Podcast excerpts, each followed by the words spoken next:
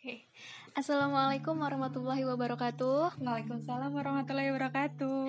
Alhamdulillah ketemu lagi dengan kita di Ruang Dengar Podcast. Yeay, ini episode keberapa ya? Ini adalah episode kita OTW nikah keempat. Lu OTW terus kapan nikahnya? Ya namanya juga OTW. Biasanya kan kalau orang bilang OTW kan berarti ya OTW aja dulu, nggak tahu kapan. nggak tahu kapan nyampe nya gitu. Tapi semoga bisa menjadi doa ya teman-teman udah OTW nikah. Dan setelah series OTW nikah ini kita bisa uh, kita beneran naik nikah. level jadi beneran nikah and then jadi menyamakan frekuensi setelah menikah gitu kan jadi biar kalian tidak pusing ya otw otw terus tapi prakteknya tidak ada namanya kejelasan gitu dalam praktek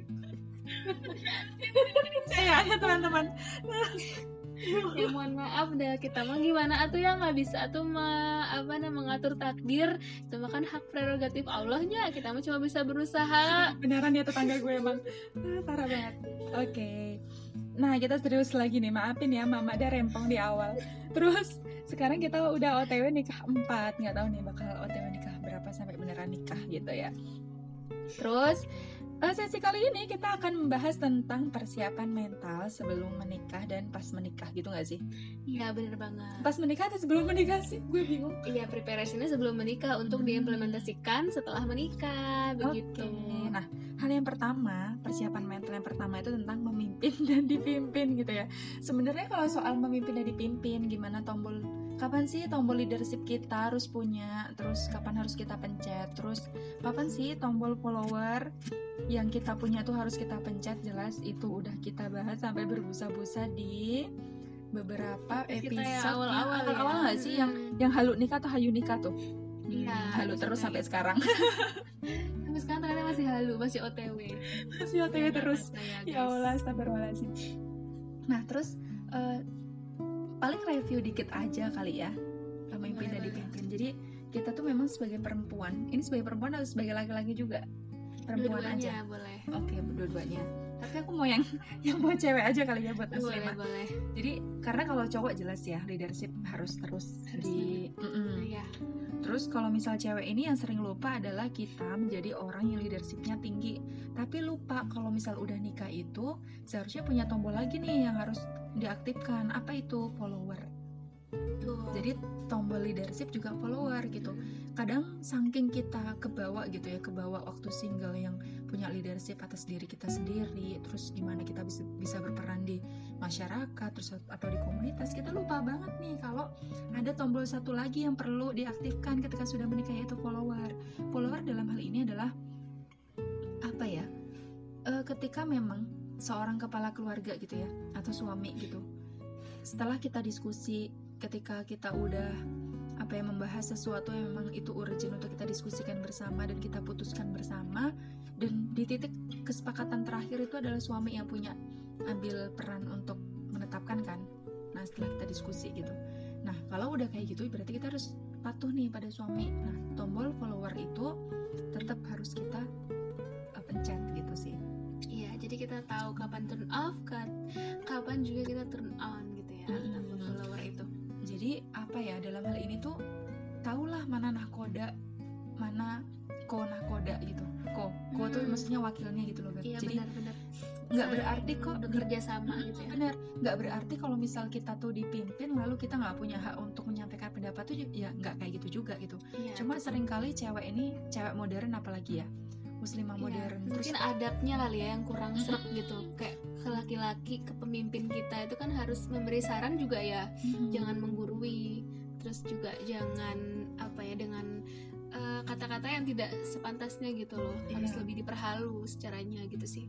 Betul betul betul. Terus juga timing ya harus memperhatikan timing juga gitu ketika kita eh, misalnya ki- kita pengen menyuarakan pendapat kita gitu sih. Hmm, benar karena kadang itu leadership tuh membuat kita dominan ya. Bukan Iya, berarti istri nggak boleh menyampaikan pendapat nggak gitu juga. Iya. cuma ketika dominansi itu membuat ego kita terlalu kuat ya itu dipertanyakan gitu loh.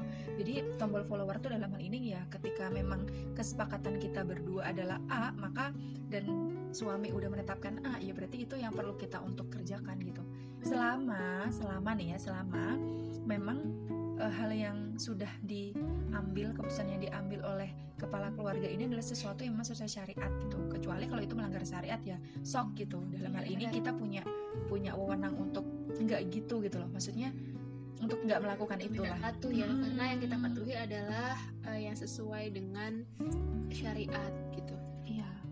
Karena gini loh kita kan sering terpapar dengan uh, beberapa isu-isu ya bahwa ya udah gitu udah kepala keluarga mah boleh cewek juga gitu ya nggak sih? Bener sehingga di sana wah ini berarti fitrah dipimpinnya juga semakin menipis gitu dalam hal ini tuh. Iya.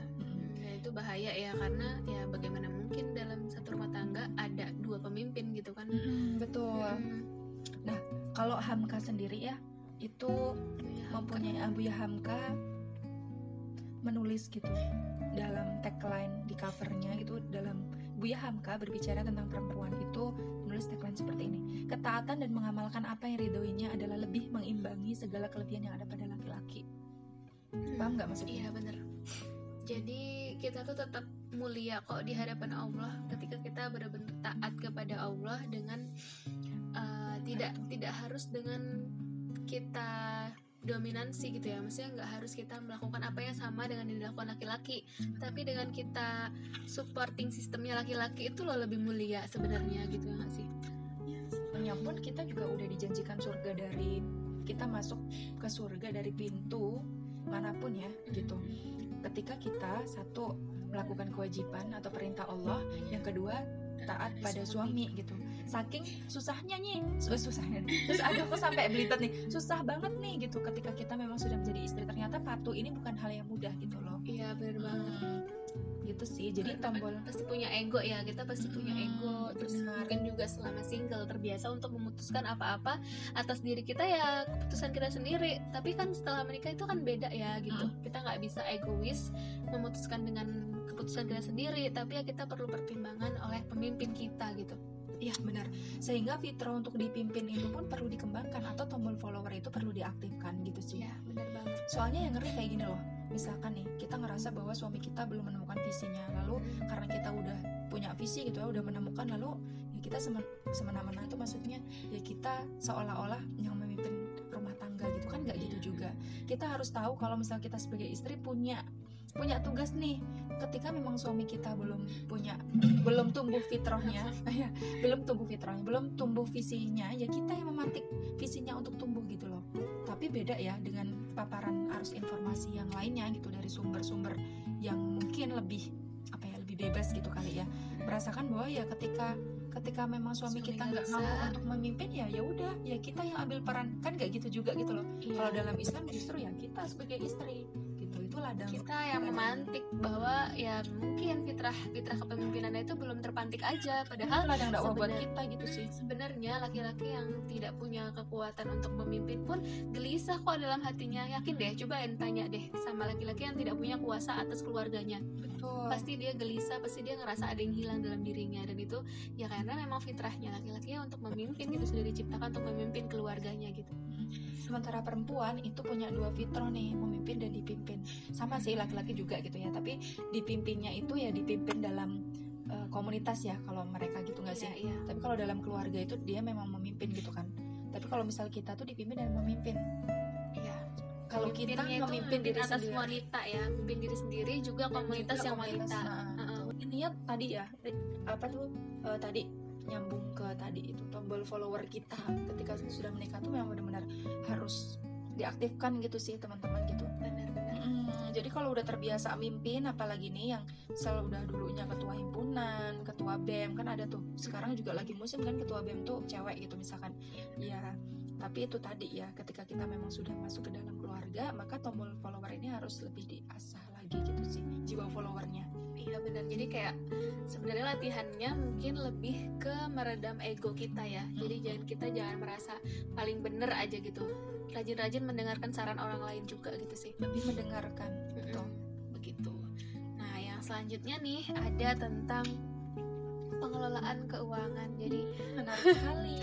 menyiapkan mental kita supaya kita bisa mengelola keuangan keluarga kita dengan baik gitu.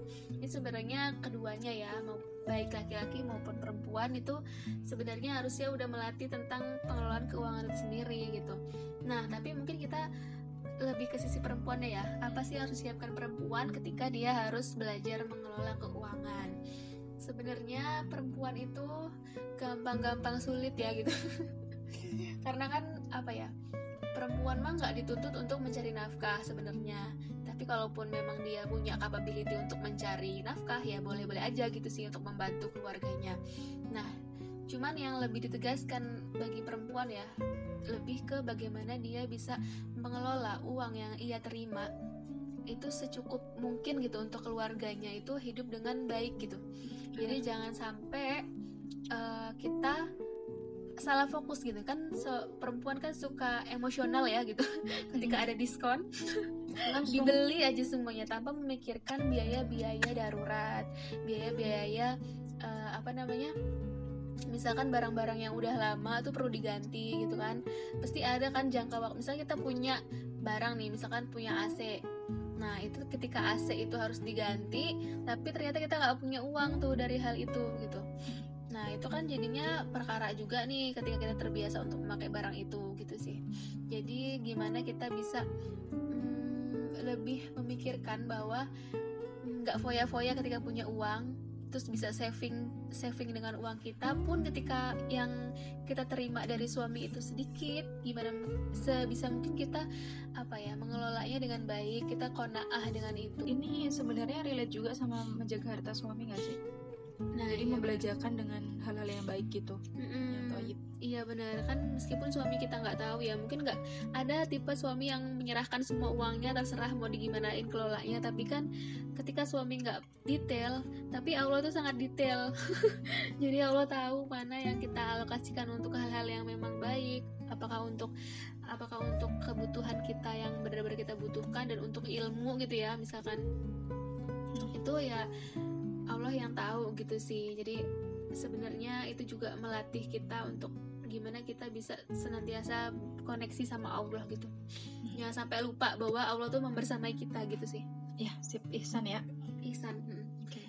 sama yang terakhir yaitu kan persiapan mental tadi ada tiga ya memimpin dan dipimpin. Yang kedua mengelola keuangan. Dan yang terakhir adalah membangun dominansi kebaikan. Hmm. nah di sini adalah maksudnya kan pasti kan ada dua orang ya. Dua orang yang udah ditempa dengan tempaan yang berbeda dengan pola asuh yang berbeda dengan lingkungan yang berbeda sehingga ya jadinya pasti berbeda juga gitu loh untuk habit dan karakternya gitu. Dan setiap orang pasti punya keunggulan nih gitu. Nah nggak dipungkiri gitu bakal beda nih dua orang yang dua kepala yang udah jadi satu rumah gitu kan itu bakal beda gitu. Atau pasti membawa kebaikan-kebaikan diri atau ada pun kelemahan-kelemahan atau keburukan-keburukan yang kita bawa gitu loh nah misalkan kalau dominansi jadi membangun dominansi kebaikan tuh maksudnya adalah yang dominan yang dominan baik itulah yang akan kita ambil dalam habit keluarga kita. Iya. Contoh misalkan misalkan apa ya kamu aja deh contohnya. Aku tak jadi curhat gitu loh. Eh suka melimpahkan gitu ya. Misalkan ya uh, kan dari dua orang yang bersatu itu yang salah satu nih dia uh, rajin untuk olahraga semasa singlenya ya nggak sih? Terus uh, yang satunya lagi ternyata belum terbiasa untuk rajin olahraga gitu ya nggak sih?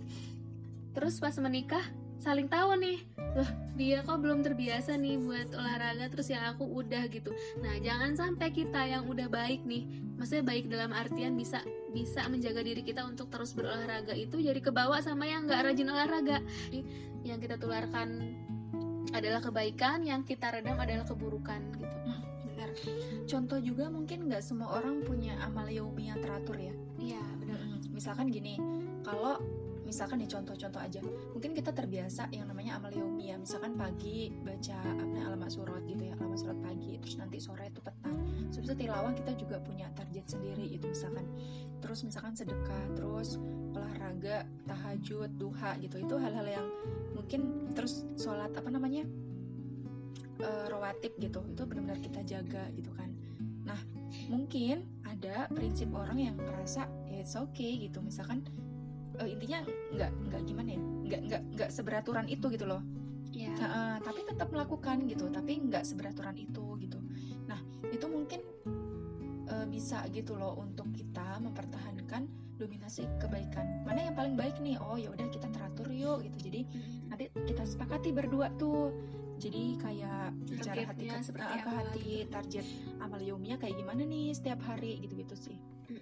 Iya lebih ke situnya sih. Jadi jangan sampai kita masing-masing sendiri gitu loh. Karena kan namanya berkeluarga ya sebisa mungkin itu bareng-bareng makin bareng-bareng kuat gitu sama-sama sih? memperkuat diri gitu Heeh. loh jadi berdua bareng itu ya jangan sampai sendiri-sendiri kuatnya tapi berkuat bersama gitu nggak sih sama intinya saling saling apa ya menguatkan dalam kebaikan sih gitu Iya, benar-benar jadi jangan sampai juga nih misalkan kita jadi keikut nggak nggak teratur tilawahnya jadi Iya, iya. jadi hilang nih dulunya pas waktu single apa ya eh, sangat menjaga rajin, gitu duha misalkan ya terus setelah Terus jadi- berkeluarga jadi enggak enggak, karena pasangan sih. kita juga enggak gitu ya nggak nggak sih? segitu Mm-mm. nggak segitu untuk memegang itu gitu sih nah itu sih teman-teman yang perlu banget karena apa ya bahkan aku punya pembelajaran sih Beb. jadi eh, aku melihat aku belajar dari apa namanya ya para keluarga gitu ya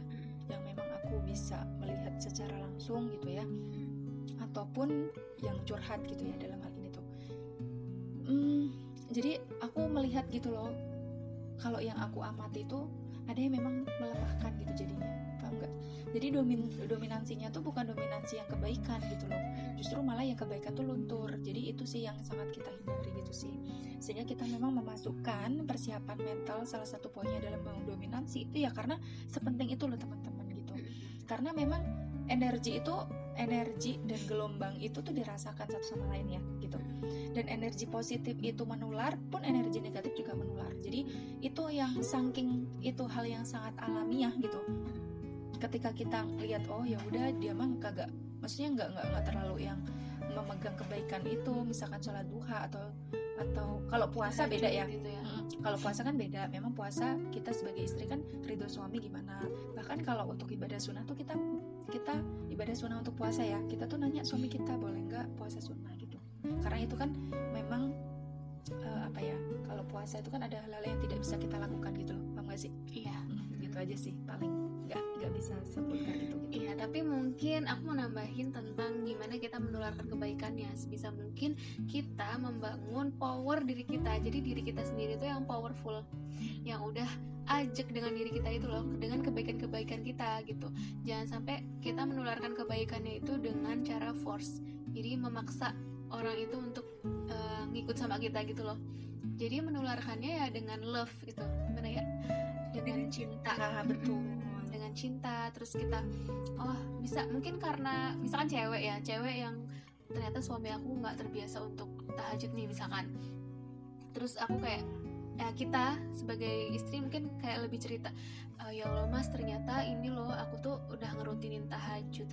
Tahu nggak sih aku tuh ya eh, mendapatkan misalkan eh, ketenangan-ketenangan gitu ya dari tahajud. Terus aku juga dimudahin banget nih selama aku rutin tahajud gitu nggak sih? Jadi kayak apa ya lebih ke kitanya powerful aja sih. Kita merasa yakin bahwa hal itu tuh baik dan kita ingin menularkan kebaikan itu gitu sih. Jadi jangan jangan yang kita stres aduh gimana nih? Kayak suami aku nggak tahajud nih gitu. Terus aku kayak harus segera gitu loh kayak kayak maksain orang untuk bisa ngikutin kita dengan cepet. Padahal kan perlu waktu gitu by time gitu sih. Jadi menularkan dengan cinta aja gitu sih. Nah mbak Dwi mungkin ada mau Sepakat nambahin? banget. Enggak sih aku udah cukup sih kayaknya kalau soal itu ya. Nah, intinya kan kita pasti masing-masing tadi ya membawa membawa apa namanya kebaikan-kebaikan ya gitu. Nah, yang kita memang pegang gitu sih. Terus disepakati bersama.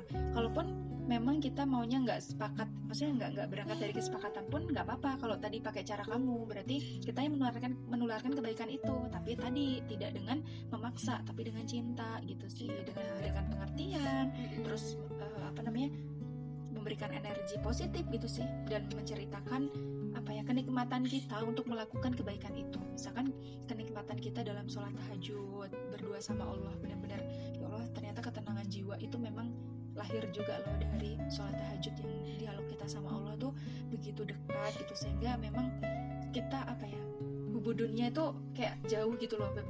gimana sih Iya, Gitu. jadi kita apa ya dunia tuh kayak udahlah gitu. Jadi kayak nggak nggak begitu kita haus dengan dunia gitu loh. Jadi ingat bahwa dunia itu sementara gitu sih kalau yang kita rasain gitu ya. Hmm. Mungkin segitu aja sih ya sharing kita di episode LTW nikah yang keempat ini. Dan jangan lupa untuk scroll lagi ya uh, di podcast ruang dengar kita di Halu Nikah dan Hayu Nikah gitu. Itu mungkin bisa di dilihat lagi gitu ya karena di situ juga ada review tentang memimpin dan dipimpin gitu sih.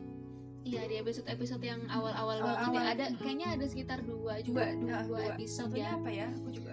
Nah, kita udah kebanyakan episode ya jadi udah agak lupa. Nah untuk episode selanjutnya nih kita juga ada ya pembahasan tentang OTW nikah yang kelima yaitu mental menjadi seorang eh, menjadi orang tua gitu.